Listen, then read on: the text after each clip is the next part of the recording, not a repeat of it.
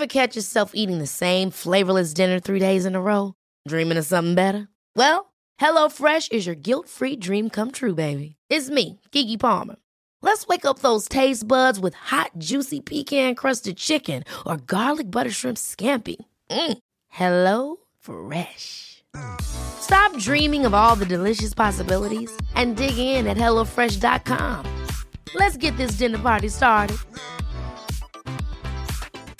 Quality sleep is essential. That's why the Sleep Number Smart Bed is designed for your ever evolving sleep needs. Need a bed that's firmer or softer on either side? Helps you sleep at a comfortable temperature? Sleep Number Smart Beds let you individualize your comfort so you sleep better together. JD Power ranks Sleep Number number 1 in customer satisfaction with mattresses purchased in-store. And now, save 50% on the Sleep Number limited edition Smart Bed for a limited time. For JD Power 2023 award information, visit jdpower.com/awards. Only at a Sleep Number store or sleepnumber.com. Maskrosbarn, maskrosbarn, ja det är vi alla. Maskrosbarn, maskrosbarn, vi ska hjälpa varandra. Vi ska växa från grunden, vi börjar på sekunden. Hör mig nu, maskrosbarn, maskrosbarn, vi ska hjälpa varandra, hjälpa varandra. Alltså vet ni hur mycket jag har gråtit i den här låten? Nej, jag har faktiskt aldrig hört den, men den var väldigt ja, men den var fin. Alltså jag tycker att man verkligen ska lyssna på hela låten. Nu är inte den här relationen jag har, eller så min bakgrund ser inte ut så som den här låten är, men jag kan typ förstå, eller man, jag vet inte, man får bara en känsla i den här låten. Mm. Och vi ska faktiskt prata om det här ämnet idag, alltså Mm. att vara ett maskrosbarn. Och vi har ju en gäst med oss. Mm. Välkommen Jamie. Tack snälla. Det här är så alltså, kul och att du är här. Helt fantastiskt. Och det, alltså, jag tänker att jag kanske kan berätta alltså, bakgrundsfakta till hur jag är. Varför jag sitter här. Ja, alltså, men verkligen så. Mm. För att, okej, jag vet ju att, jag tror vi har pratat om det på den tidigare. Eh, för jag gjorde ju en, jag skulle göra min första kampanjplåtning. Mm, din första riktigt stora. Ja, Mm. med fotograf och allt sånt här. Mm. Ja, helt galet. Och jag var så nervös och det jag var nervös för är, känns så himla töntigt när jag pratar om det idag. Men det var, vad kommer folk tänka om mig? Om mig och min kropp? För jag ser Mm. inte ut som en modell. Det är ju så folk tänker och det är så konstigt och det är så dumt att man tänker så. Men då gick jag in och bara, jag vet inte hur jag kom in på just dig Jamie, men jag kom i alla fall in på dig. Ehm, och då hade det varit en tidig kampanjplåtning med eh, bikinikläder. Och, eh, och där står du. Och du är ju den som syns av alla. För det de Mm. andra är, jag vet inte, de bara är där. Mm. Alltså så fint. Men jag kommer verkligen ihåg när du berättade här och du bara Ja. kolla den här tjejen. Jag bara wow. Ja, Wow. Och Mm. jag skrev till dig och bara, alltså jag vet att det var ett jättelångt eh, DM och bara hur, hur, alltså hur gör du för att känna dig så stolt och hur gör du för att gå in i en sån plåtning och jag tror också att, till och med att jag skrev, jag vill inte att du ska tro på något sätt att jag tycker du är, är stor eller förstår vad jag menar. Mm, Eh, mm. Men så här, jag är för mig inte en modell. Nej. Och du svarade, alltså, så här, och jag tänkte att hon kommer inte svara. Alltså, så här, och herregud vad du svarade. Alltså, jag hade, Mm. det var regnbåge, det var blommor, det var hjärt, alltså det var hur mycket som helst, det var hur mycket text som helst och la la bara så här, du kommer rocka denna kampanjplåtning. Mm. Och det var så här, jag gjorde det. Mm. Och mycket är verkligen tack vare dig Jamie. Nej, Men. Du, Ja. alltså, du sprider väldigt mycket. Nu känner inte jag dig lika väl som Malin. Men av de, det jag har fått höra och jag har också träffat innan, du sprider väldigt mycket alltså, kärlek redan att, alltså, Mm. innan man ens har lärt känna dig. Men Det är en väldigt är eh, fin så. egenskap. det är otroligt fint att få höra det. Mm. Och eh, jag blir så här, jag är ju världens blödigaste människa så att jag kommer ju ha tårar av och till fram och tillbaka. även, när vi sitter och pratar om detta. Eh, för att det berör ju mig så mycket. Mm. Eh, och just det där med alla emojis och allting, det är klassiskt jag. Alltså även på jobbmail, när Mm. jag fick en jättestor roll så var jag så här, är det okej? Får jag skicka lite hjärtan? Man blir ju Eh, glad av emojis. Exakt Mm. så. Ja, och skriver en person inte det så är den personen sur. Ja. Typ du Typ igår. jag.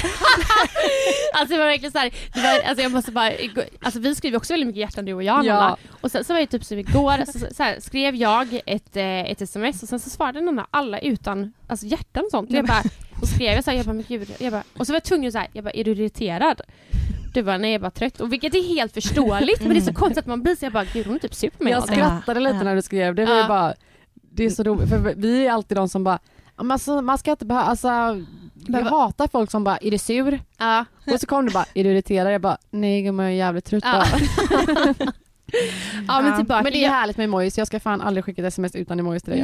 Nej, alltså bara när du är sur på riktigt. Ja, jag lovar. Mm. Ja, bra, för då vet man vart man har varandra. Ja, Ja men det, det känns verkligen som att du är alltså sprudlande. Mm. verkligen. Tack. Alltså Tack. verkligen. Du sprider, alltså så här, bara att du kom in i ett rum, alltså det är mycket energi. ja, det märkte vi ju när vi Jag tycker att ni idag. två är väldigt lika. Men Alltså, jag, och jag, alltså, jag håller med mm. faktiskt. Jag bara, för jag är också väldigt sprudlande och glad.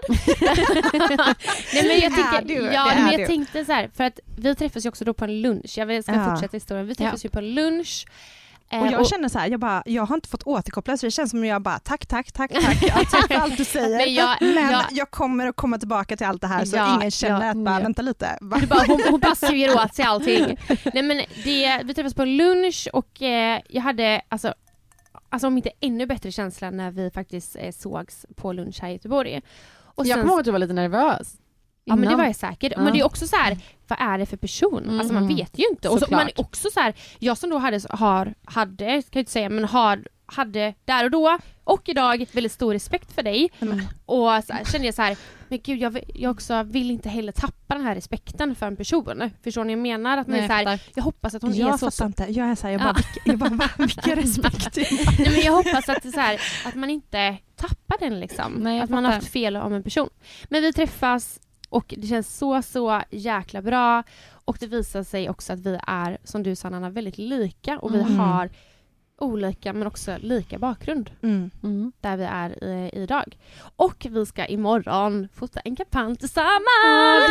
Alltså jag ser så mycket fram emot att se det här. Ja. Ja, Det är så jävla roligt. Ja. Alltså, och jag måste säga, det är så kul att man från att liksom hitta en person på Instagram till idag faktiskt Men är det då vänner. ni Ja. som har liksom så här, ja men jag vill fota med Jamie, jag vill fota med Nej, det är, Malin. eller vi har sagt Ja. det, men det är Jamie. Det, Mm. det roliga var ju att jag var ju på ett besök i ett showroom och eh, ja, men precis det som Malin säger att från första stund vi möttes, Mm. jag bara okej, jag älskar den här människan. Alltså, och jag är verkligen så här, ah, jag tar till mig människor och när jag känner den energin som du har så är det så här, oh my god she's a keeper. Mm. Ja. Och det är samma lika när vi sågs i somras så var det ju så här, hej Nanna, du är med. Alltså, Ja men det var väldigt lätt, alltså, så här, jag ja. sa det till dig efter, jag bara men gud det kändes verkligen som jag träffat dig innan. Mm. Mm. Allt var väldigt enkelt. Ja. Och så här, man kunde prata om vad som, typ. ja, inte, verkligen. behövde inte hålla tillbaka. Förutom Nej. sex. Ja. Sex, Tvungen att säga något. sex pratar vi inte. Nej, Om med. nu, nu går vi tillbaka till showroomet. eh, och eh, då satt jag där och hade ett möte, jag hade haft en, en, eh, ett samarbete tidigare och så satt jag och spåna och då namedroppar jag eh, Malin. Mm. Och eh, personen i fråga bara, men hallå, det här, det här styr vi upp. Eh, och du har ju jobbat tillsammans med dem tidigare. Eh, och då blev det en sjukt rolig grej. Eh, och nu händer det imorgon, vilket är så, Mm. så roligt. Mm. Ehm, Fantastiskt kul. Fan vad ni är grymma. Ja, men vi ni är faktiskt det. alla är här inne, Ja, är jäkligt tack. grymma. Verkligen. Men alltså, det var ju liksom bakgrundsfakta till varför du Jamie är, har en relation till både mig och Nanna idag. Men jag Mm. tänker så här, det är ju många som vet vem du är såklart, men det finns ju några som inte vet. Nej. Eh, vill du berätta, vad, vem, vem är du, vart bor du, vad gör du idag, vad är ditt yrke? Vad gör du? Jag, jag är ju då ursprungligen från Borås Mm. eh, och eh, bodde där fram till tills jag tog studenten. Eh, hade gått om ett år så att jag var ju ett år äldre än eh, mina klasskamrater. Eh, eh, och första bästa buss höll jag på att säga så flyttade jag till Stockholm. eh, det var faktiskt en flyttbil men eh, Göteborg låg för nära, har alltid älskat Göteborg. Eh, men det, vi kommer ju också komma in på detta varför det också antagligen blev långt borta härifrån. Eh, Mm. Och Stockholm är hur magiskt som helst, det vet jag att du Nanna håller Mm. med om. Eh, och eh, där har jag varit sedan 2009. Mm. det är Det är idag, det är ett tag och det är idag mitt hem. Mm. Det tog bara några år så var det så här, gud, jag kommer verkligen hem när jag åkte till Stockholm central. Mm. När jag hade varit västkusten eller Mm. vart jag än var. Eh, saken är ju den att jag drar en snabb eh, historia hur jag hamnar här jag är idag. Eh, Mm. och det är att jag har gjort allt. Jag är ju prestigelös, jag har torkat spyor på nattklubbar, jag har varit nisse, jag har fyllt vanilj... Ja, Alltså, disk? Disken. Aha, på heter- nattklubbar. Mm. Ja. Eh, jag har fyllt vaniljdonuts, jag har, Mhm. alltså God knows, jobbat mycket i butik, butikschef och sen blev jag headhuntad eh, in till andra sidan. Och eh, jag var helt så här, okej vad gör vi nu? Eller Mm. hur hamnar jag här? Eh, men det är också så här, vill du någonting så finns det ju inga gränser. Och, eh, så jag blev sales rep som det heter, eh, ansvarig för över 200 butiker av försäljningen för det varumärket. Wow. Eh, kom sedan till ett annat bolag där jag var bland annat, nu är det ju ett av mina absolut bästa skobrands och det är ju Steve Madden. Mm. Så att jag var ju försäljningsansvarig för Steve Madden i hela Sverige, inklusive Key Account Manager. Äh, key, account, eh, key Accounts, så att jag var Key Account Manager slash Sales Rep. Mm. Eh, och hur jag hamnar där, det är ju på riktigt. Jag älskar det jag gör när jag gör det. Mm. Eh, jag kunde inte ens Excel, kan inte Excel och jag satt i Excel varje dag. Hade miljonbudgetar. Sälja kan jag, när jag älskar det. Eh, men så var det också så här, men vad gör jag? Hur länge ska jag göra detta? Eh, och jag tog ett beslut alldeles nyligen vill jag säga, alltså om man tänker då hade jag bytt bolag till ett jättefint, bra, det här ser bra ut på papper, det är bra lön, det är, jag har aldrig haft det bättre på papper, men jag har typ aldrig varit mer olycklig. Eh, jag bara, jag bor inte ens hemma, jag kör 400 mil i veckan, jag har press och stress för att sälja det här varumärket och Mm. och jag tog ett beslut, jag bara, jag säger upp mig. Jag håller på att gå under, jag säger upp mig, nu kör jag. Och det jag valde att köra på, det är ju mina sociala medier. Och eh, så det ledde även till att jag idag jobbar som modell. Mm. Yes. Wow, vilken Det är så jävla, jävla resa. coolt alltså. Ja. Men visste du när du då var de här key account och så jag, bara, jag stannar där för jag hittade kommer inte. Men visste du där då att du någonstans ville bli modell? Alltså jag har ju, ända sedan jag var barn egentligen, alltid velat bli modell. Eh, jag gjorde faktiskt mitt första katalogjobb när jag var fem. Eh, bor ju i Borås, det är ju modemeckat, vilket Mm. gör ju att där var det mycket katalog. Ni tänker Ellos, Mm, eh, mm, H&M. Det här hette Sport-Johan tror jag. Så att jag satt Okej. väl där i någon sportig liten outfit, fem bast. Eh, och det var mina första tjänade pengar och jag kommer ihåg, ja jag kan ha varit sex, nej fem, min lillebror fanns inte då. Jag var fem, köpte min egna cykel för mina egna pengar. Ja, fint. Och jag vet ju inte om det är så jäkla fint. Man Nej, hade ju hellre ja. kanske Ja. velat att Få en den. Mm. förälder kanske Mm. köper en cykel. Mm. Men, eh, Men det men så var det. det Businesswoman Ja, from the start. exakt. Men ännu en gång, vilken jävla resa du har gjort. Och fan vad långt du har kommit. Mm. Det är helt galet. Ja, men sen, du, har ju, du gjorde ju en helt magisk kampanj tillsammans med. Eh, Det är ju det största Ja, jag har gjort. och det var så häftigt. Det är det sjukaste och jag eh, är så tacksam än idag att jag fick möjligheten. Eh, sen, eh, alltså jag vet inte hur många timmar och dagar jag har gråtit lyckotårar över den här dagen. Mm. Eh, för det var verkligen, alltså om man tänker, eh, jag kan inte ens, jag kan inte ens sätta ord Nej, på det. det var Det var så stort. Mm. Mm. För att det också var, för det första, jag var ansiktet utåt för hela bikinikampanjen Mm. och att jag inte ser ut som normen. Nej. Eller så ser jag ut som normen Mm. beroende på hur man vrider på det. Mm. Men klassas du som en plus size modell? Jag vet faktiskt Eller inte om jag finns det gör fortfarande det. sådana fack? Det finns Ingen det. aning. Eh, men, men jag tänker att plus size idag är större storlekar. Eh, och eh, nu sitter jag med såna här hartassar. Mm. Eh, och de vanliga modellerna som har alltid funnits, de har ju varit mycket, mycket mindre. Och jag har ju i stort sett alltid skvalpat in between.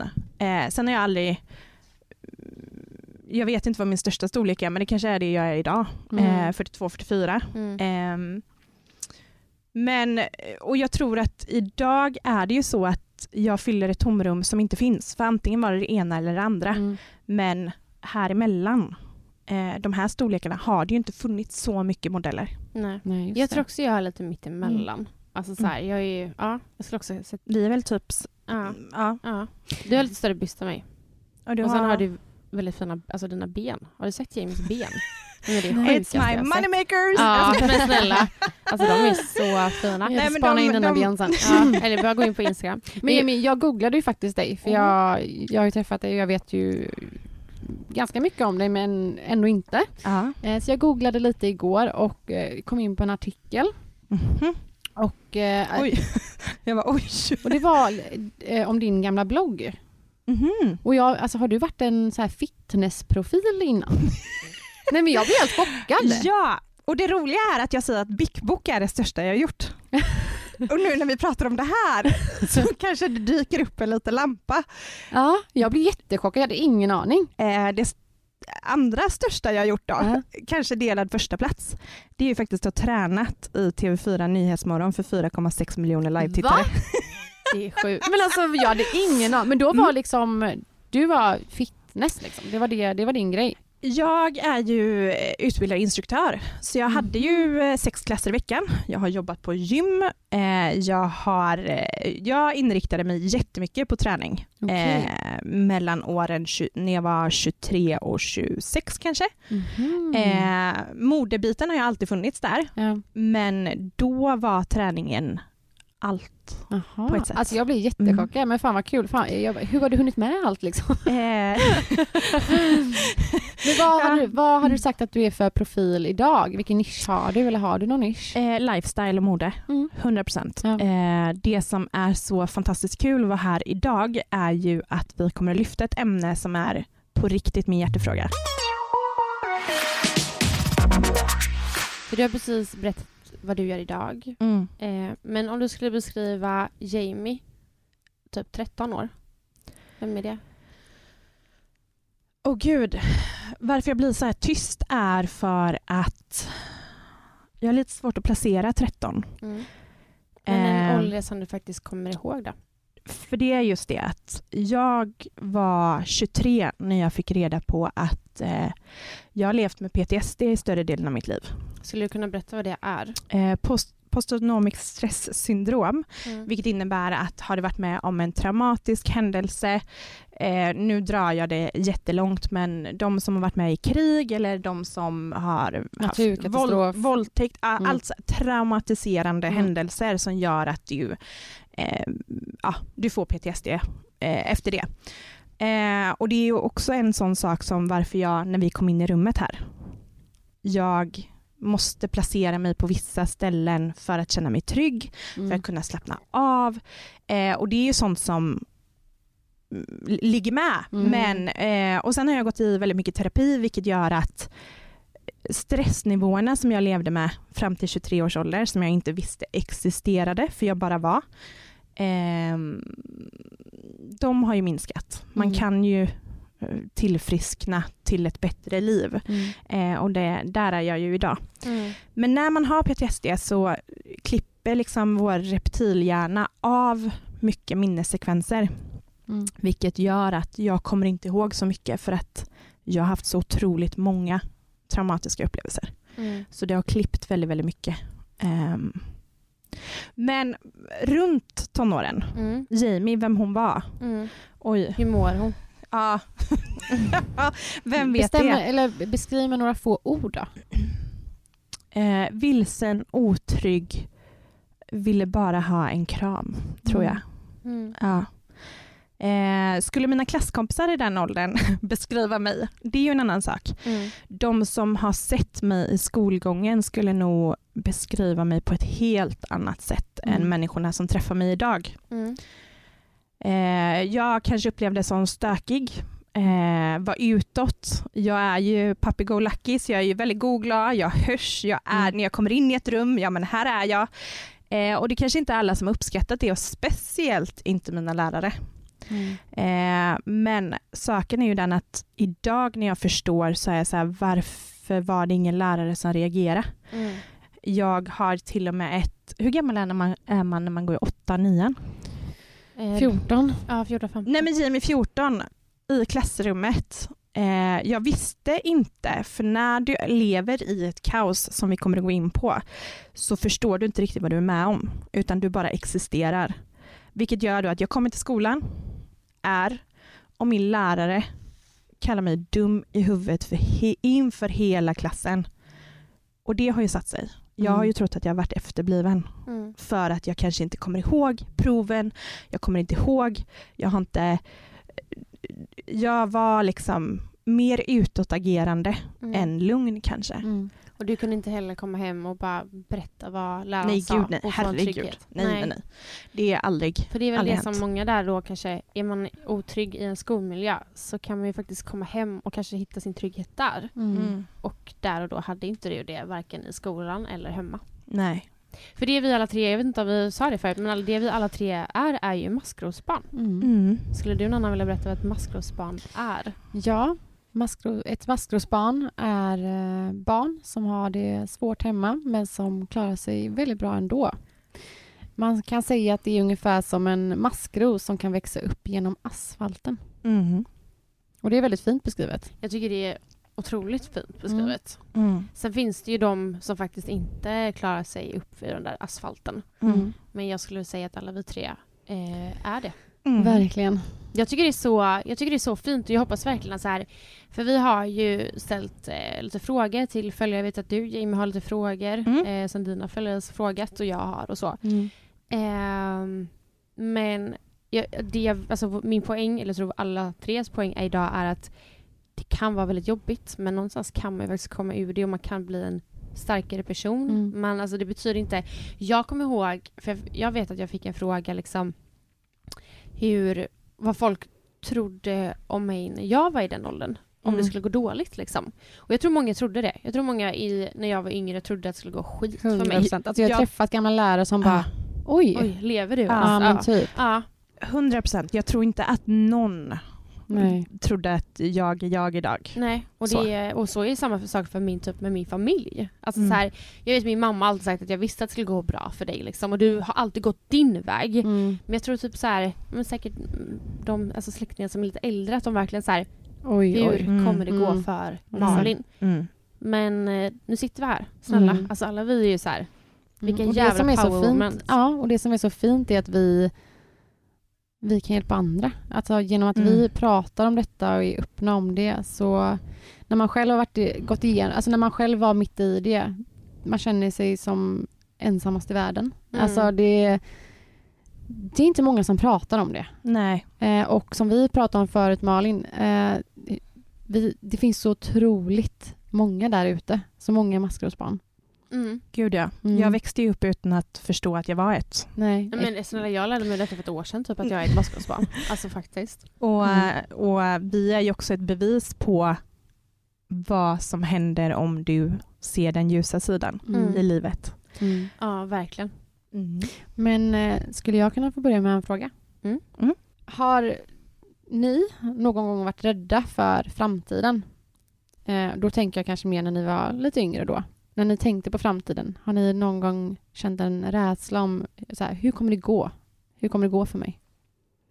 Mm, ja, eh, det är absolut. Alltså, där och då tror jag kanske inte att jag tänkte på det. Men när jag tänker tillbaka på min känsla när jag var typ 6-7 eh, och eh, liksom står, ja, alltså står med en kniv och inte vill leva längre. Ja, men då var jag nog rädd för framtiden. För annars Mm. hade jag ju inte velat ta mitt liv. Mm. Det var ju enda anledningen till varför jag ville ta mitt liv. Var för att jag vis, vi, visste inte vad, hur framtiden skulle se ut. Eller se ut. Så ja, ja eh, verkligen. Mm. Och 100% här också. Mm. Jag har ju aldrig kunnat tänka mer än bara någon timme framåt förrän nu senare i livet. När jag fyllde 18 så fick jag åldersnoja för jag hade en känsla av att jag kommer aldrig bli äldre än 25. Nej. Och varför visste jag inte. Om det var att jag inte orkade mer eller att jag faktiskt inte klarade mig. Så var jag så här när jag fyllde 18, jag bara, livet är ju snart slut. Ehm, Men för många av våra lyssnare vet ju vad du Nanna har Mm. gått igenom och många vet ju vad jag har gått igenom. Skulle du, du Jamie vilja liksom berätta bara så att folk vet ungefär vad du har gått igenom? Du Ja. behöver inte, absolut inte gå in på detaljer om det är så. Nej, men jag, eh, jag är jätteöppen om, eh, om min bakgrund.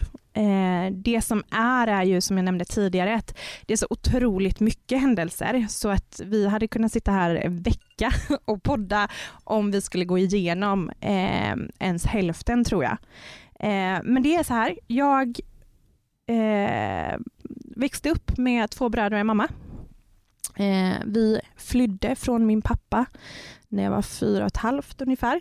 Eh, och det är väl också jag har tidigare minnen än så vilket gör att när man är så ung så brukar man inte komma ihåg så mycket men jag gör ju det och har fått bekräftat de här minnesfragmenten att jo men det stämmer, jo men den, det och det så.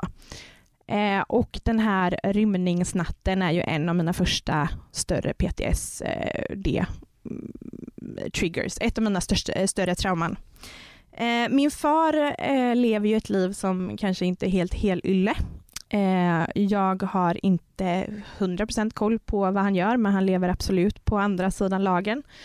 Eh, och mm, mamma och han gick väl inte helt riktigt ihop. Eh, och då när vi rymde, då var det jag, min äldre bror och mamma som springer till bilen.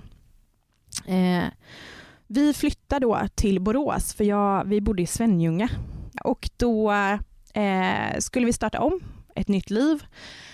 Eh, och han gör något besök där och jag har några halvsyskon som är mycket, mycket äldre. Eh, så att när min mamma blir gravid med min lillebror eh, med en ny man som också lämnar mamma när han är bara nyfödd, jag vet inte exakt veckor. Så eh, under den sommaren där hon var höggravid eller gravid, då eh, åker jag ut till eh, mina halvsyskon ute på Orust och ska spendera tre veckor, sex år gammal, hos deras föräldrar för att God knows why. Då dyker ju pappa upp och det är också sista gången jag ser honom. Jag är alltså fem och ett halvt för att jag är decemberbarn, året jag ska fylla sex. Eh, Har du inte sett han sen dess? nej, men han bor här i Göteborg. Gud vad sjukt. Eh, och, eh, så det är ju det sista och det minnet är ju så här, ett barn som är fem och ett halvt och ser sin pappa, det är klart som fasiken att man springer med öppna armar och bara ah gud. Och jag kommer ihåg att vi båda sitter i det här huset i källaren och bara jag håller i hans kläder och bara gråter, typ så här släpp mig inte. Trots att jag visste att han är ju inte en hel lille pappa.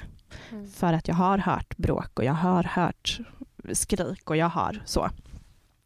Men som barns instinkt är så, så var det ju så. Men det är sista gången. Eh, min lillebror föds och jag tror att det är där som mycket börjar. Eh, eventuellt, för det är ingen som har konstaterat och det finns ingen historik på det, men när jag har gått i alla år i terapi så har jag försökt att söka svar. Vi har bollat fram och tillbaka, jag har haft tre olika psykologer. Ehm, där vi kanske funderar på, hade mamma förlossningsdepression? För det var där det liksom gick ut för på någon vänster utan att vi visste det. Jag och min äldre bror eh, försöker väl leva livet och eh, vi går i skolan. Eh, det är turbulent och det är tokigt och eh, för att förstå hur tokigt det är så var det faktiskt nu i vuxen ålder så springer jag på en gammal dagisfröken i Åhléns city i Stockholm när jag står och jobbar i butik och bara, åh herregud, det är ju hon. Och du vet, det här är från sex års, kanske ettan. Och bara, eh, heter du eh, Ida typ? Och man bara ser hur kinderna blossar upp och bara, eh, och, eh, ja. Letar efter sin väninna typ och bara, eh, och, för det är ju det. Mm. Vi är ju absolut inte i Borås och hon är på typ turistar här uppe.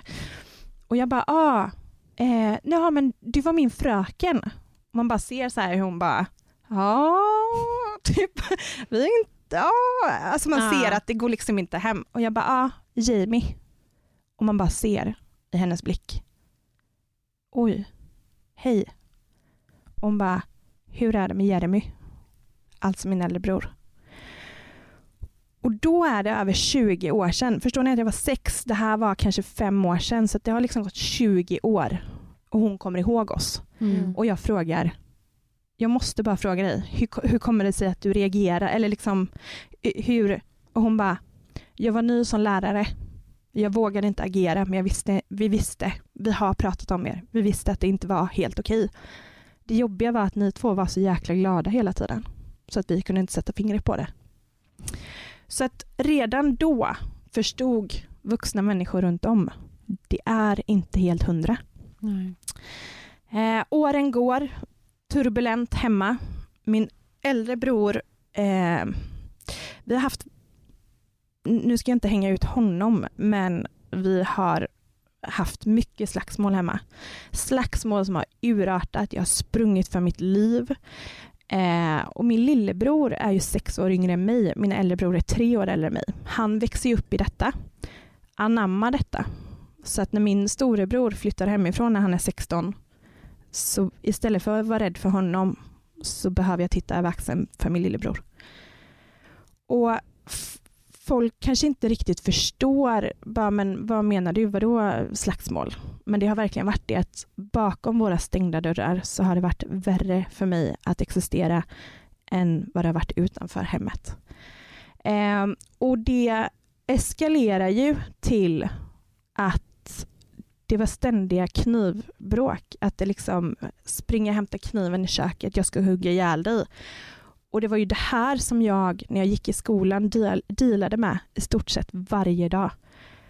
Om man då tänker att, jaha, men så kan man väl inte ha det? Nej men om du inte vet något annat, vad fan, du kommer hem, är beredd, checka vem, är- vem är hemma, vart är de?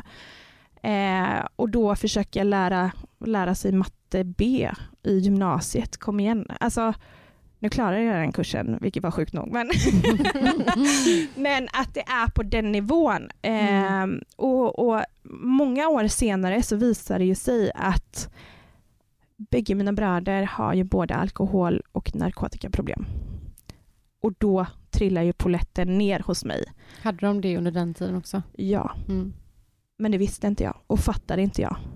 Nej. Eh, för att jag har liksom inte sett det. Jag har, jag har ju bara, jag har bara existerat. Mm. Eh, samband parallellt med detta så har jag då haft min mor eh, som jag då, 23 års ålder, första gången fick höra från en psykolog att din mamma låter inte frisk. När vi går igenom vår historik, hur läget är och jag direkt bara, va? Vad, vad menar du? Nej men Jamie, det, det, det som är nu, det, det är inte helt riktigt normalt. Och jag går ju direkt in i som medberoende person i försvar. Du känner inte min mamma. Du har inte träffat henne. Och för att förstå hur illa det var vid det samtalet så var det, jag var 23 år gammal.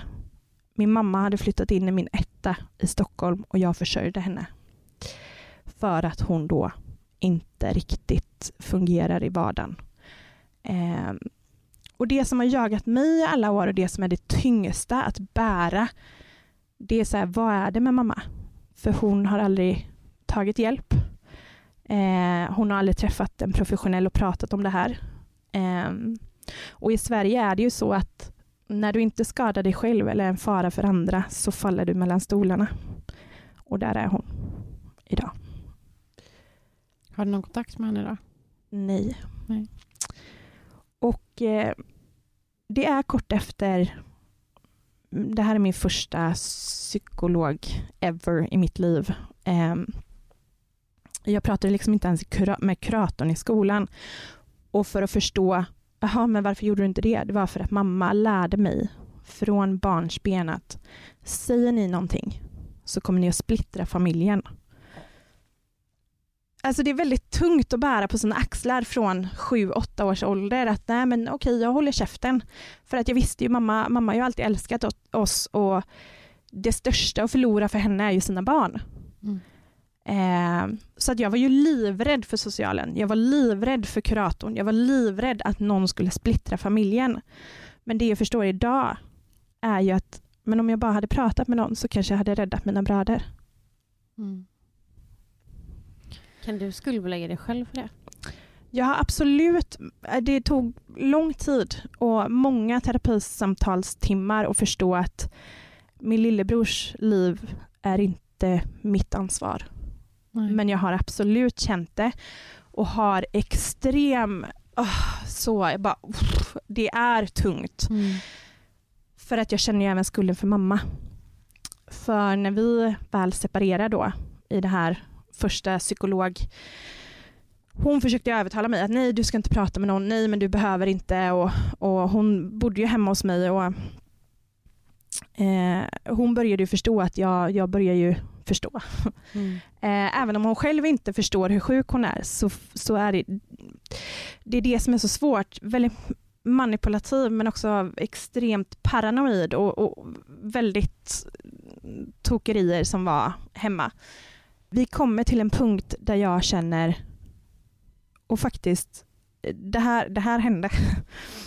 Eh, vi sitter vid mitt tvåmannabord i köket i min lilla etta i Aspudden. Min Ja. första lägenhet i Stockholm. Hur gammal är du då? Jag är 23. Mm. Vi sitter där och eh, jag har sån ångest och på den tiden visste inte jag vad ångest var. Jag visste inte vad Even on a budget, quality is non-negotiable. That's why Quince is the place to score high-end essentials at 50 to 80% less than similar brands. Get your hands on buttery soft cashmere sweaters from just 60 bucks, Italian leather jackets, and so much more. And the best part about Quince, they exclusively partner with factories committed to safe, ethical, and responsible manufacturing. Elevate your style without the elevated price tag with Quince. Go to quince.com slash upgrade for free shipping and 365-day returns. Ever catch yourself eating the same flavorless dinner three days in a row? Dreaming of something better? Well, HelloFresh is your guilt-free dream come true, baby. It's me, Kiki Palmer. Let's wake up those taste buds with hot, juicy pecan-crusted chicken or garlic butter shrimp scampi. Mm. Hello Fresh. Stop dreaming of all the delicious possibilities and dig in at HelloFresh.com. Let's get this dinner party started.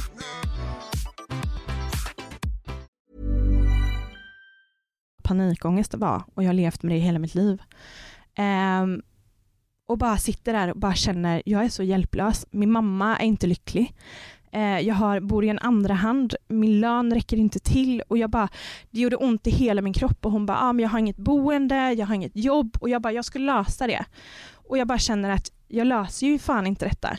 Så att jag sitter där och bara tittar på mamma och bara, men mamma, om jag tar livet av mig och du får min lägenhet och det jag har, är det, blir det okej då? Och hon tittar på mig och bara, jag vet inte. Då höll jag på att tappa det Mm. och kände, jag har fått godkänt av mamma att ta mitt liv. Ehm, och eh, absolut att jag impulsivt kände, nu räcker det. Låser in mig på toaletten, vill typ bara dö.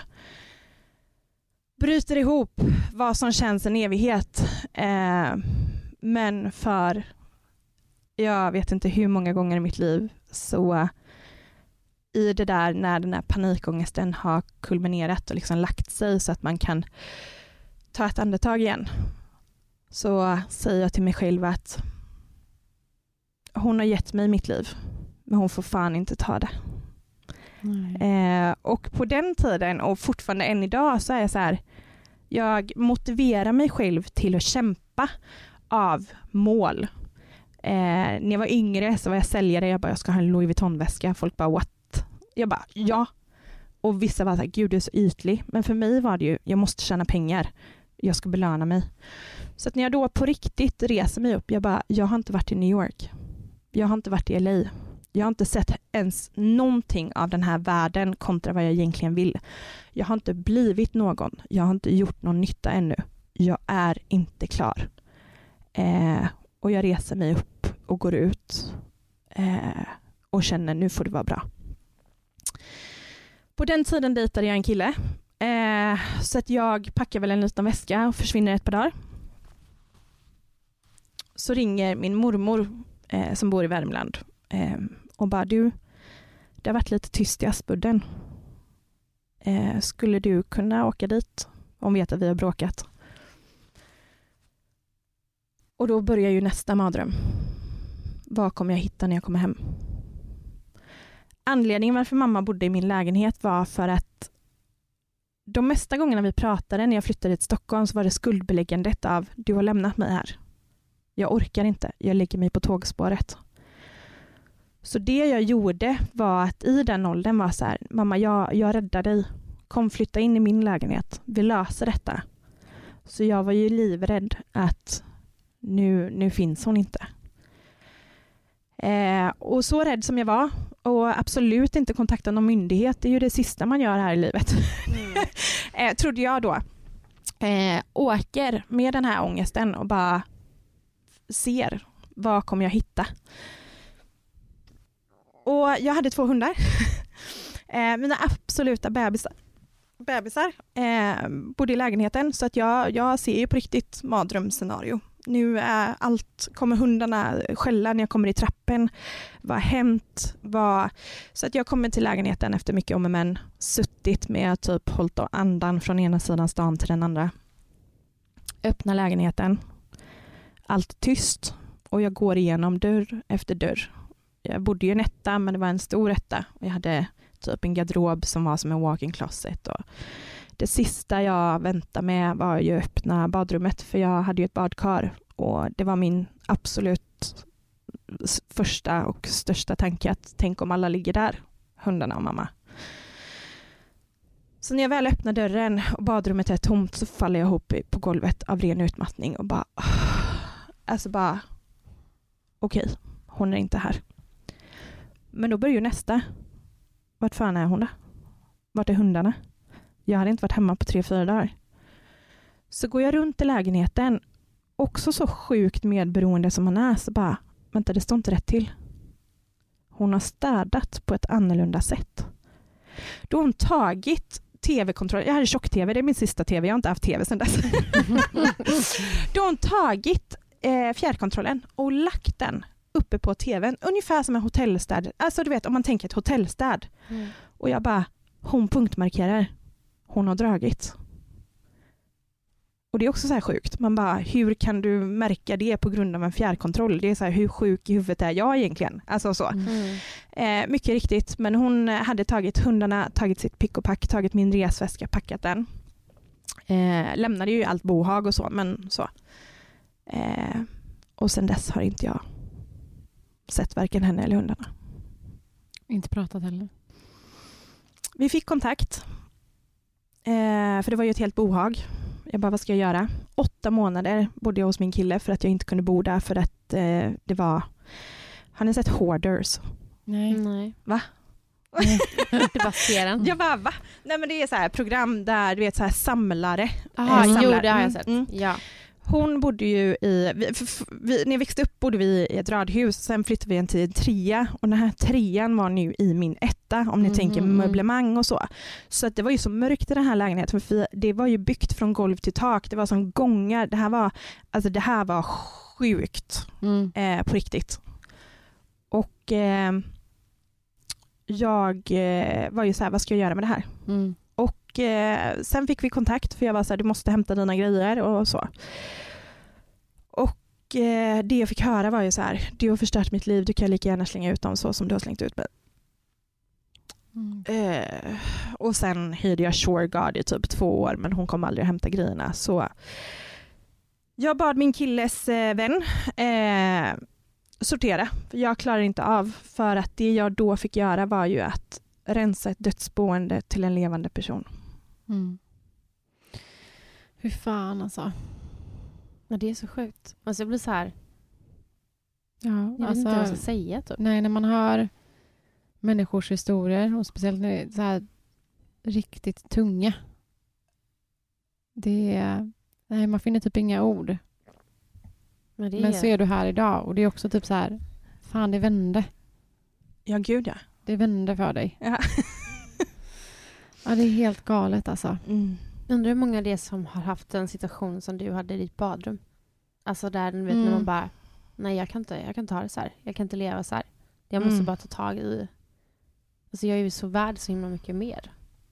Men jag, jag är också så här, det är så sjukt att jag någonstans också vände och det här har ju vi diskuterat, jag och mina psykologer genom åren, att jag har hört två av tre säga att det är ju på riktigt mer udda att du är frisk, frisk, hartassar, Mm. måendet går ju att diskutera, men frisk eh, kontra att du inte är narkoman eller alkoholist idag och Mm. står här med din bakgrund och ändå mår så bra som du gör. Mm. Ehm, och jag har ju förstått att det är ju en extrem överlevnadsförmåga. Så. Mm. Ehm, jag själv är ju så här, ja, nej men jag har ju lu- lunkat på här, jag har gjort det bästa jag kunnat, men många år av terapi har ju fått mig att liksom förstå, Inte allt. eh, för jag förstod ju aldrig, inte ens då, i stundens hetta, hur illa det var. Jag har faktiskt en fråga som är vad var er motivation till att ta er ur det? Och um, jag satt verkligen Den tror jag faktiskt att jag också har Oj. fått, så att jag tänker, ni två borde ju absolut svara på den. Ja, alltså, och jag, satt verkligen och tänkte på den frågan. Alltså, så här, ehm, och min motivation till att ta mig ur det, det var ju Jonas och eh, Love till 100 procent. Mm. Alltså jag har försökt ta mig ur eh, min relation till min pappa i flera års tid. Liksom. Eh, men alltid fallit tillbaka för att jag alltid hoppats. Liksom. Mm. Men jag träffade Jonas som fick mig att bli trygg. Mm. Eh, tillräckligt trygg för att klippa alla band. Mm. Sen kom Love och jag kände att ja, men jag, vi, vi testar igen. Liksom. Mm. Ehm, men ja, det gick inte den gången heller. Och då är det verkligen så här, varken Jonas, jag eller Love förtjänar den här relationen. Mm. Eh, och Jonas och Love förtjänar inte att se mig så här. Så att eh, min motivation var verkligen alltså min familj. Typ. Mm. Så fint. Och du, eh, Nanna? Alltså jag skulle inte säga att eh, jag har absolut haft en trasig uppväxt Mm. eh, och eh, många gånger en väldigt otrygg uppväxt. Men jag förlorade min mamma väldigt tidigt Mm. eh, och min pappa har inte riktigt varit med i bilden alls. Eh, han har också eh, varit kriminell under Mm. hela min uppväxt. Mm. Men för mig var det inte heller att jag behövde ta... Vad var det som motiverade mig var ju frågan. Att lämna Mm. allt. Men det var ju de som lämnade mig. Eller Mm. så här. Så att Mm. eh, jag har bara fått vara i det och stå Mm. på mina ben. Men det är också... Alltså på något sätt har det gett mig mycket. Jag blivit självständig. Mm. Eh, något som jag var rädd för när jag var yngre, som vi pratade om innan, det var att... Alltså tryggheten tror jag. Mm. Så här, kommer jag någon gång känna en trygghet? Mm. Jag hade aldrig gjort det typ. För, alltså, jag gjorde det när jag var liten såklart, men det var på väldigt många år sedan jag kände att jag kände mig så ensam, otrygg. Eh, kommer jag klara mig ekonomiskt? Alltså det var mycket frågor som kom upp i huvudet dagligen ja. typ. Eh, men sen jag fick min egna familj också så var det så att där fann jag den tryggheten som jag aldrig hade haft. Mm. Eh, Så att eh, om jag vänder frågan lite så är det absolut också min familj, Robin och barnen som Mm. har ja, men gett mig det. Mm. Eh, För det som går ihop med din fråga lite, som står i min, är ju så här, hur har du och ni hittat kraft eller styrkan att vända era liv eh, och må bra idag trots många odds som var emot er? Och jag tror att det går ju lite ihop med det här att ni har familjerna, Mm. eh, men är det något annat ni vill lägga till där? Att vad... Nej, men jag tror också att jag har blivit eh, eh, med tanke på det man har gått igenom eh, det har ju fått mig att Alltså när jag möter folk, eh, oavsett om jag känner alla människor jag möter i min omgivning möter jag idag med respekt. För jag vet att alla har ett bagage typ. Eh, Ja. Och man vet aldrig vad de går igenom eller har gått igenom. Eh, så det är otroligt viktigt för mig att så här, inte dumma folk. Mm. Alltså jag tror... För jag har verkligen tänkt så här, undrar om jag hade tagit mig ur detta om jag inte träffat Jonas och Love, eller Mm. träffat Love, men har träffat Jonas. Mm. men, eh, och jag, helt ärligt så vet jag inte om jag typ hade gjort det. Jag tror att jag fortfarande någonstans hade haft en relation till min pappa och eh, varit väldigt ostabil som, eh, som Mm. person. Mm. Men jag känner mig fortfarande väldigt trygg i mig själv. Så det, inte, det är inte så att Jonas, Jonas är min trygghet men jag förlitar mig inte 100% på han heller. Men Alltså, det var faktiskt en period för inte alls länge sedan som av någon anledning så dök ju pappa upp igen. Um, och jag har ju en äldre bror, en halvbror, eh, som är på pappas sida. Och då, för under den här, under den här perioden så tror, tänker jag att eh, min pappa kommer ta livet av sig. Mm. Och någonstans konstigt nog så får jag ju, jag vill ju rädda honom. Mm. Mm. Det är helt Gud, ja. sinnessjukt. Men jag vill rädda honom och jag ringer min bror och bara hur, hur räddar vi honom? Och så vad gör vi? Ska vi lägga in honom på ett hem? Och han bara Malin. För att min, min bror och min pappa har ju haft en relation. Och då säger han till mig att han bara du anar inte hur många gånger jag har försökt rädda honom. Ehm, för han har ju som sagt under den perioden jag inte haft en relation med min pappa så har ju de haft det. Och han bara det går inte att rädda honom. Tro mig jag har försökt. Mm. Eh, och då verkligen säger jag bara om min bror som är för enligt mig, trots att vi bara är halvsyskon, är ju väldigt, väldigt stark och har en väldigt, alltså min pappa har nog en väldigt stor respekt för honom. Kan min bror inte rädda pappa, då kan ingen rädda min pappa. Så att då verkligen säger jag bara, nej, men då, då backar jag igen. Mm. Eh, jag vill inte ha relation, jag ville bara rädda honom. Mm.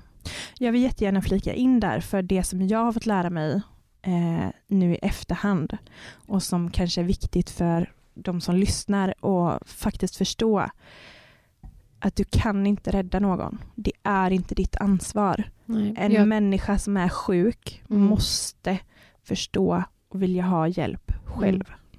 jag tror att det är, du pratade lite också om det förut och det går lite hand i hand med det du pratar om nu Malin. Jag tror att det är otroligt vanligt att varför man inte tar sig ut något är för att man känner skuld.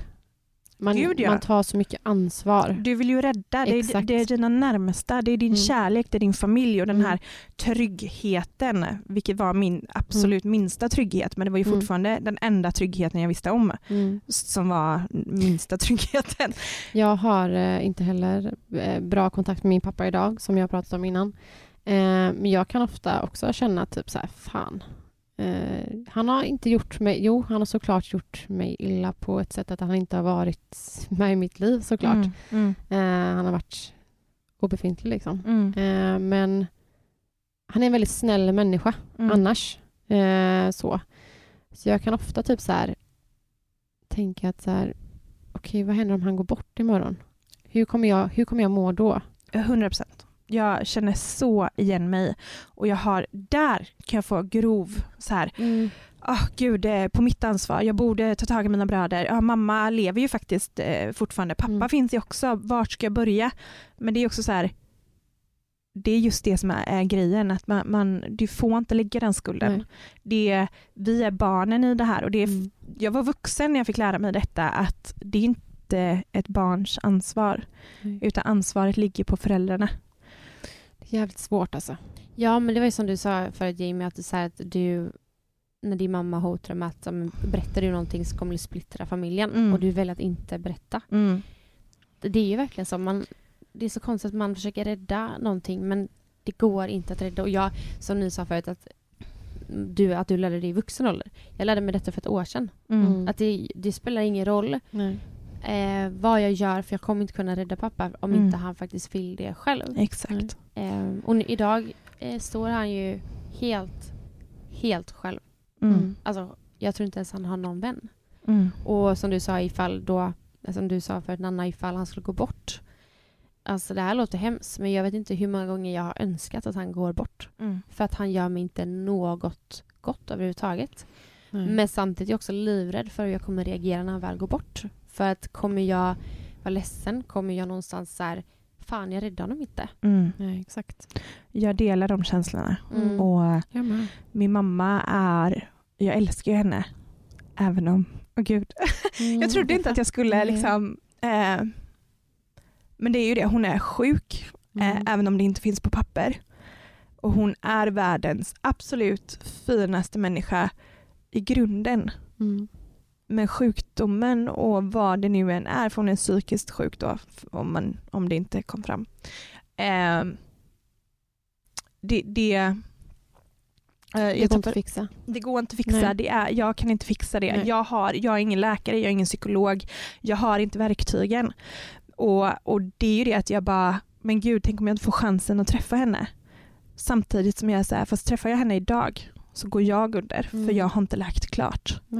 Eh, och, och det blev ju min så här, räddning att jag måste rädda mig själv. Det är som flygvärdinnorna säger, syrgasmasken på dig Mm. och sen hjälper du medpassagerare. Mm. Och det är ditt liv, du måste hjälpa dig för att kunna ta dig vidare. Ja. Ja. Så egentligen då, summa kardemumma, så kan du ju alltså inte rädda dem bredvid dig utan det är liksom fokus på dig själv egentligen. Mm. Och det, det kanske är, låter jätteegoistiskt i, i vissa öron när man kanske då inte har gått igenom det här men det är så här, vi hade ju gjort allt för att våra föräldrar hade mått bra Gud. eller för att vi skulle få en fungerande Mm. relation till dem. Mm. Eh, men det har krävt väldigt många terapitimmar att förstå. Mm. Jag bär inte ansvaret. Nej. Självklart vill jag göra det om jag hade kunnat. Men Ja. Jag har en fråga som är, ehm, det står Malin, eh, men jag, den här frågan är ju till egentligen alla tre. Eh, hur känner eh, ni, ja, hur känner du kring din pappa? Eh, sorg, hat, besvikelse eller hämndlystan? Och jag kan faktiskt tänkte att jag kan svara först på frågan. Mm. Ehm, jag känner mig, jag känner, jag känner sorg, eh, jag känner besvikelse, jag känner absolut inte hämndlystan. Alltså på något, hur ska jag kunna hämnas?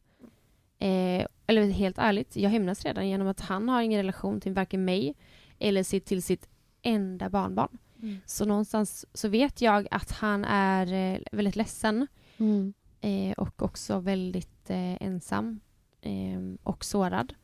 Men han har också satt sig i den situationen själv och han är den enda som kan rädda det. Men det gör han inte så att den här, det är en sjukdom han också har. Alltså Mm. alkoholism är en sjukdom. Mm. Eh, vad jag tror sen också bipolär. Eh, det är nog mycket som ligger där liksom. Eh, så det är ju sjukdomen som skadar honom. Mm. Mm. Men så jag känner liksom inget, jag känner mig inte, det är inte så att jag bara åh nu ska jag hämnas liksom. Nej. Men, men jag känner mig extremt besviken att han inte, han har en fantastisk, ehm, eh, ja vänta, jag ska bara pausa. Jag, åh gud jag kommer inte prata. Skruttar. Jag förstår Mm. inte. Jag skiter typ, i dagsläget skiter jag i mig. För fem år sedan så hade jag varit fokus. Men i dagsläget så är ju Love fokus. Och jag Mm. förstår inte hur man inte... Han har fått, alltså på riktigt, 50 chanser med mig. Jag fick en chans med Love. Han tog inte den. Så jag förstår inte hur man kan skita i att ehm, ha sitt eh, enda barnbarn där. Nej. Och eh, där känner jag sorg. Extrem Mm. sorg. Mm. Jag, alltså, jag kan fortsätta. Alltså jag kan typ... eh, Åh herregud, mitt hjärta. Jag bara kom inte mitt gråt med! eh, nej, eh, för min pappa, jag känner mig eh, övergiven, Mm. typ. Eh, sorg, ilska, typ. Men det är väl också typ samma situation för dig där med dina barn och din pappa. Verkligen. Eh, min pappa har ju träffat mina barn, eh, Mm. inte umgått så, men han, har, men han vet ju inte ens vad de heter. Och det är också typ så här, Mm. fan, alltså det är min pappa. Mm. Eh, morfar till barnen liksom. Eh, så ja, jag känner mig och har alltid känt mig extremt övergiven. När mamma gick bort så jag stod ensam kvar på benen liksom, med mina systrar då såklart. Eh, och har ja, men, verkligen varit ledsen under åren. Alltså, jag, alltså hela min uppväxt eh, försökte jag också rädda han liksom. Eh, Mm. hade mycket kontakt med han. Eh, men det är nu först när man har blivit äldre som jag har tagit steget att men vi, ska, alltså, vi har ingen kontakt. Mm. Eh, Så sorg, ilska och eh, ja, övergiven. Mm. Och jag kan ju inte ens i närheten förstå de känslorna, för jag själv har ju inga barn. Eh, men jag blir ju, jag blir rörd av tanken av men herregud, jag har inte ens träffat era barn men jag är så här, det enda jag har sett och vad jag har förstått, jag bara hur kan man inte vilja ha det här i sitt liv? Men, men det som man måste komma ihåg och absolut inte för att förminska eller för att ge dem förlåtelse men det är ju hade de varit i sitt sinnesfulla bruk så hade de ju aldrig valt att inte vara där. Nej, jag tänkte precis säga det. Alltså, det är så många gånger jag har tänkt att fan, fan för att du håller på med allt det du gör för du hade varit Mm. så jävla bra morfar. Mm. Mm. Alltså det är helt, jag har Mm. tänkt så, så många gånger men det går liksom inte att fixa det. Nej. Och, och Det viktiga är ju att det är okej att känna så. Det, det, man måste förstå att det är okej att känna den sorgen. Att man får, du, du är ju hans barn. Du har Mm. alla rättigheter att känna alla känslorna som blossar upp i er. För det är er verklighet. Jag tänker typ de som lyssnar, de som har den här, liksom, går, in, går igenom något liknande så. Någonstans är det ens föräldrar. Och det är Mm. väldigt, väldigt svårt att inte, kanske någonstans inte älska en förälder eller inte hoppas på en förälder eller så här. Jag tror det är, jag tror det är, ja, det är nog svårt. Eller jag är också där. Mm. Alltså någonstans älskar jag min pappa. Konstigt Mm. jävla nog alltså. Mm. Men det är ju ändå ens pappa. Mm. Och det är, är ändå ens mamma. Jag har ju den till mamma. Mm. Pappa är ju mer så här, det är ett ord jag säger ungefär Mm. som tack och godnatt och Mm. och Ja, glass. exakt. och, nej men alltså det, det är liksom ett ord för mig. Mm. Ehm, så att jag, jag vet inte, har jag kärlek, har jag inte kärlek? Alltså det är verkligen på riktigt likgiltigt. Men när det kommer till mamma, där är akilleshälen. Mm. Det är tufft. Jag känner också som du Malin. Känner alltså, någonstans så älskar man ju såklart sin pappa. Mm. Eh, men han har ju aldrig funnits där för mig på det sättet som han hade behövt. Så, varför ska jag finnas där för honom? Men det är verkligen så. Mm. Jag har en otroligt viktig fråga som jag känner att det här är det något som du eller ni önskar att vuxenvärlden gjorde annorlunda när allt var som värst för er? Öppna ögonen, Ja. sågen, prata. Alltså jag har typ svårt... Jag gick ju hos, eh, hos BUP. Mm. Mm. jag med. Ehm, mm. Och där och då vet jag faktiskt inte vad de faktiskt gjorde för mig. Helt Mm. ärligt. Mm. Jag kommer ihåg att jag gick dit och de bara här har du ett A4-papper, rita din familj och så kan du beskriva din känsla gentemot det. Man bara, Exakt. men Så. vadå? Är det så? Ja. Mm. Så Jag fick också gå på grupp, BUP typ. Aha. Alltså så här, Mm. man gick eh, tio barn. I åldrarna? Ah, Jag kommer inte ihåg, Typ. men det var alla typ, eh, men säg att jag kanske var 11 till 15 då. Eller något. Mm. Mm. Jag hade ju aldrig typ öppnat så här- upp i en sån grupp. Lägg så skulle man också typ så här måla av sin kropp och så skulle man måla vilken eh, färg, som, eh, vilken känsla man har i kroppen just nu. Typ. Mm. Alltså det var typ så här, det kanske kan hjälpa för vissa men jag, för mig funkar det absolut inte. Nej, inte mig heller. Och jag hamnade till och med i en sån situation eh, där jag gick till sjuksyster eh, och hade ett eh, blåmärke runt min handled. Och hon, eh, eller om det var på mitt lår, jag kommer inte ihåg. Jag hade ett blåmärke i alla fall. Hade ofta blåmärken. Men eh, hon frågade vad det här var ifrån. Och jag sa att det var från pappa.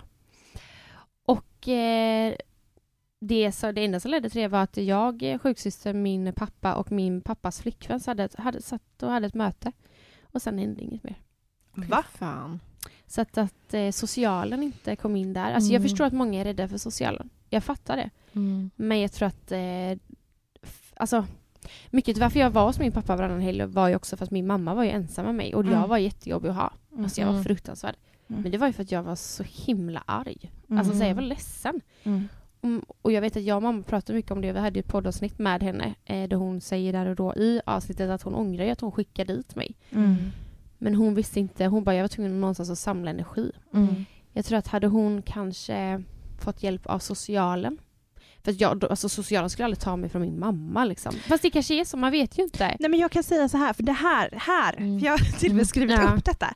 Hade jag vetat vad socialen var för människor, för jag vill Mm. ge shoutout till alltså, de flesta av mina vänner uppe i Stockholm är soc-tanter vill jag säga. Mhm. Jävligt fräscha sådana. Ja. Nej, men, eh, och jag brukar sitta och lyssna på dem när de pratar jobb. De nämner aldrig några namn och allt sånt här. Men när jag hör hur de jobbar och jag har sagt det med handen på hjärtat till en av mina bästa tjejkompisar. Hade jag vetat att det var sådana som du eller om du hade varit min soc-tant så hade jag gått dit för länge sedan. Mm. Mm. Och det är det att jag var ju så livrädd för allt som hade med, med kur- kuratorer och så. För mamma hade ju sagt det, du Mm. splittrar familjen om du säger något. Mm. Men det som är, är att jag var ju rädd och uppskrämd. Men vem vet, jag kanske hade räddat min lillebror. Ja, och jag tänker typ hade jag, eller de då, kanske då skolsyster eller skolan, gjort någonting där och då, eh, att socialen blivit eh, inkopplad, så kanske min mamma hade fått hjälp. Eh, och då hade, alltså det kanske kunnat vara att jag hade kunnat få, tänk en fosterfamilj, eller så här, en stödfamilj. Mm. Istället för att åka, åka till dem varannan helg, istället för att Mm. åka till min pappa som, som skadar mig. Mm. Då får mamma den avlastning hon behöver. Mm. Så jag tror att jag, eh, jag önskar väl faktiskt att socialen eller någon slags stöd faktiskt eh, hjälpte mig där. Mm. För eh, att det inte hindrar, alltså att det med sjuksyster, det ska ju ändå hjälpa liksom. Men att Mm. de inte gjorde någonting efter det, det är helt galet. Mm. Nej. Men innan min mamma gick bort så önskade hon till, för att vi hade jättegod kontakt med både SOS, familjehem, alltså Mm, allt sånt där, mm. för att hon var så här Och du har bra, bra bild av... Ja, för att min mamma fick ju verkligen, vi hade väldigt bra, hon hade hemvård, alltså jag lärde Mm. känna alla de här Mm. människorna och hon hade verkligen, alltså man, Nanna ska inte bo hos sin pappa. Mm. Eh, han ska inte ha någon tillgång till det här huset. Eh, om det säljs ska det bara gå på tjejerna liksom. Mm. Så jag fick ju bo kvar hos min mammas dåvarande kille eh, i några år. Det funkade inte hela vägen fram till jag var 18. Så att, eh, sen bodde jag hos min mammas bästa vän. Eh, som också var som en extra mamma för mig hela livet. Liksom. Eh, så ja, alltså jag skulle bara både säga ja och nej. Jag hamnade hos eh, väldigt bra sostanter Mm. som även min mamma hade haft kontakt med innan. Eh, men det är andra saker, för det, vi pratar ju också om vuxna människor. Mm. Och jag vet ju att många, i högstadiet så hade jag, man umgicks i olika tjejgäng liksom. Mm. Och jag vet att det var många föräldrar som kunde vara typ så här, umgås inte med Nanna, det är något stökigt där typ. Nej men alltså snälla någon. Alltså man bara, Nej men eh, stopp. alltså om, ja, jag Åh. blir så frustrerad. För där, när, vi, när, när den här frågan, Mm. vad hade ni önskat av vuxna människor? Ja. Eh, alltså, det här är också en hel del eh, av mig som vi inte ens har pratat om idag, men det var ju den ekonomiska situationen. Mm. Jag som barn gick runt och frågade mina vänners föräldrar, kan jag få låna 20 kronor? Kan jag få låna en hundring till mat? Mm. Och då är min fråga, varför var det ingen av de här vännernas föräldrar som kanske då, vänta Nej. lite, till mat? Ja. Va, va, stopp och belägg, nu ringer jag någon. Eller, eller liksom att någon agerar, eller i skolan, varför har jag inga kläder? Varför, har jag, varför, ät, varför äter jag bara skollunch, Mm. det enda målet per dag? Jag är ett barn, men jag kände ju mig som vuxen när jag var tio. Mm. Alltså, jag skolkade på riktigt från skolan för att panta burkar Fy fan. i gymnasiet. Någon dag så ber jag min lillebror att skolka med mig för jag skämdes så mycket. Borås är ganska litet. Mm. Så att den ekonomiska utsattheten, Mm. vi bodde på ett jättefint område första åren och så. Men jag kan liksom bara, eh, i vuxen ålder Jamie idag, så kan jag bara så lyfta blicken och bara, men skojar ni? Ni är vuxna människor och ni Mm. har liksom bara blundat för det här. Som den här fröken, ja men vi, vi, det, det kändes men vi kunde inte ta på det så vi agerade inte. Jag var sex, min bror var nio. Va, va, och, och sen då, när jag är i gymnasiet skolkar, eller var det högstadiet, ingen vet. Eh, skolkar för att bara, ah, men det är lite tufft hemma. Jag ska hjälpa till och bidra ekonomiskt. Jag går och pantar burkar. Det, det, är så här, det är en verklighet som finns, men jag tror att många blundar för den. Men, och, och, och sen blev jag så pass eh, mycket äldre så jag började skämmas som bara den. Jag bara, mamma jag kan, jag kan inte gå och fråga de här om massa pengar längre.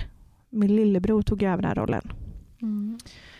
Så han, och han har ju det då att han, han fick ju den här rollen. Han fick alltid fråga efter pengar och, och sen blev ju hans liv vad det blev i väldigt tidig ålder. Eh, jag, jag har inte bakgrundscheckat detta men vad jag förstår det som så har ju han hållit på med droger redan i 12-13 års åldern. Fan, Eh, alltså man, Och min äldre bror var ju så här, han rådde ju mig, Jimmy, ja men det här är bra skit. Man känner inte så mycket. För vi hade så mycket ångest alla. Mm. Men jag var ju så här, jag bara, jag hade ju dödsångest bara en bakfylla när jag var Mm. liksom så här, för jag har sån kemisk Mm. när alkoholen avdunstar så är jag så här, "Uff, det kan vara tufft. Jag kan ha varit världens bästa eh, party eh, här i Göteborg och så bara, nej det här var jobbigt. Och det Mm. blir dödsångest, vilket gjorde ju att jag, jag bara, nej, det här är ju ingenting. Mm. Men min lillebror, såg ju upp till min storbror och hakade ju på samma tåg. Så att Mm. de två har ju lett lite varandra i det här. Fy fan.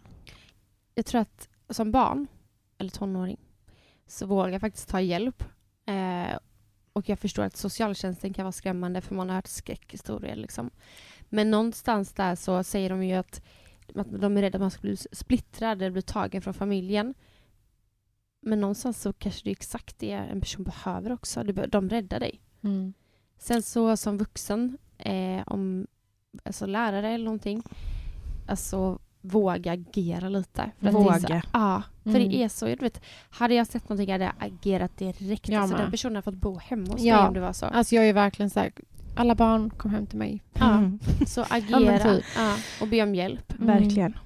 För det, det finns en kompis pappa som, det var nog han som, som räddade större delen av Jamie utan att han visste.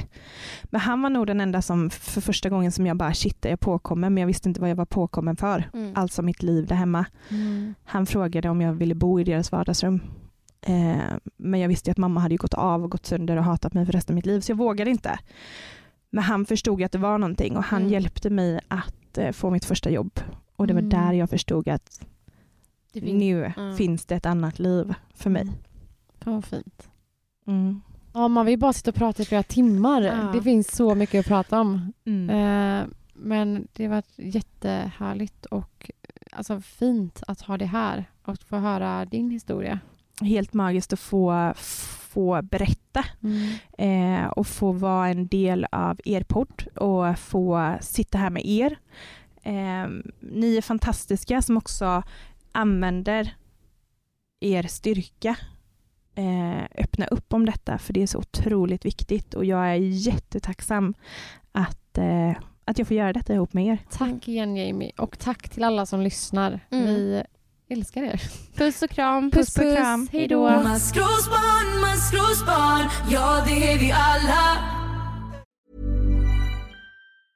Planning for your next trip? Elevate your travel style with Quince. Quince has all the jet setting essentials you'll want for your next getaway, like European linen, premium luggage options, buttery soft Italian leather bags, and so much more. And is all priced at 50 to 80% less than similar brands. Plus, Quince only works with factories that use safe and ethical manufacturing practices. Pack your bags with high-quality essentials you'll be wearing for vacations to come with Quince. Go to quince.com slash pack for free shipping and 365-day returns. Mom deserves the best, and there's no better place to shop for Mother's Day than Whole Foods Market. They're your destination for unbeatable savings, from premium gifts to show-stopping flowers and irresistible desserts. Start by saving 33% with Prime on all body care and candles. Then get a 15-stem bunch of tulips for just $9.99 each with Prime. Round out Mom's menu with festive rosé, irresistible berry chantilly cake, and more special treats. Come celebrate Mother's Day at Whole Foods Market.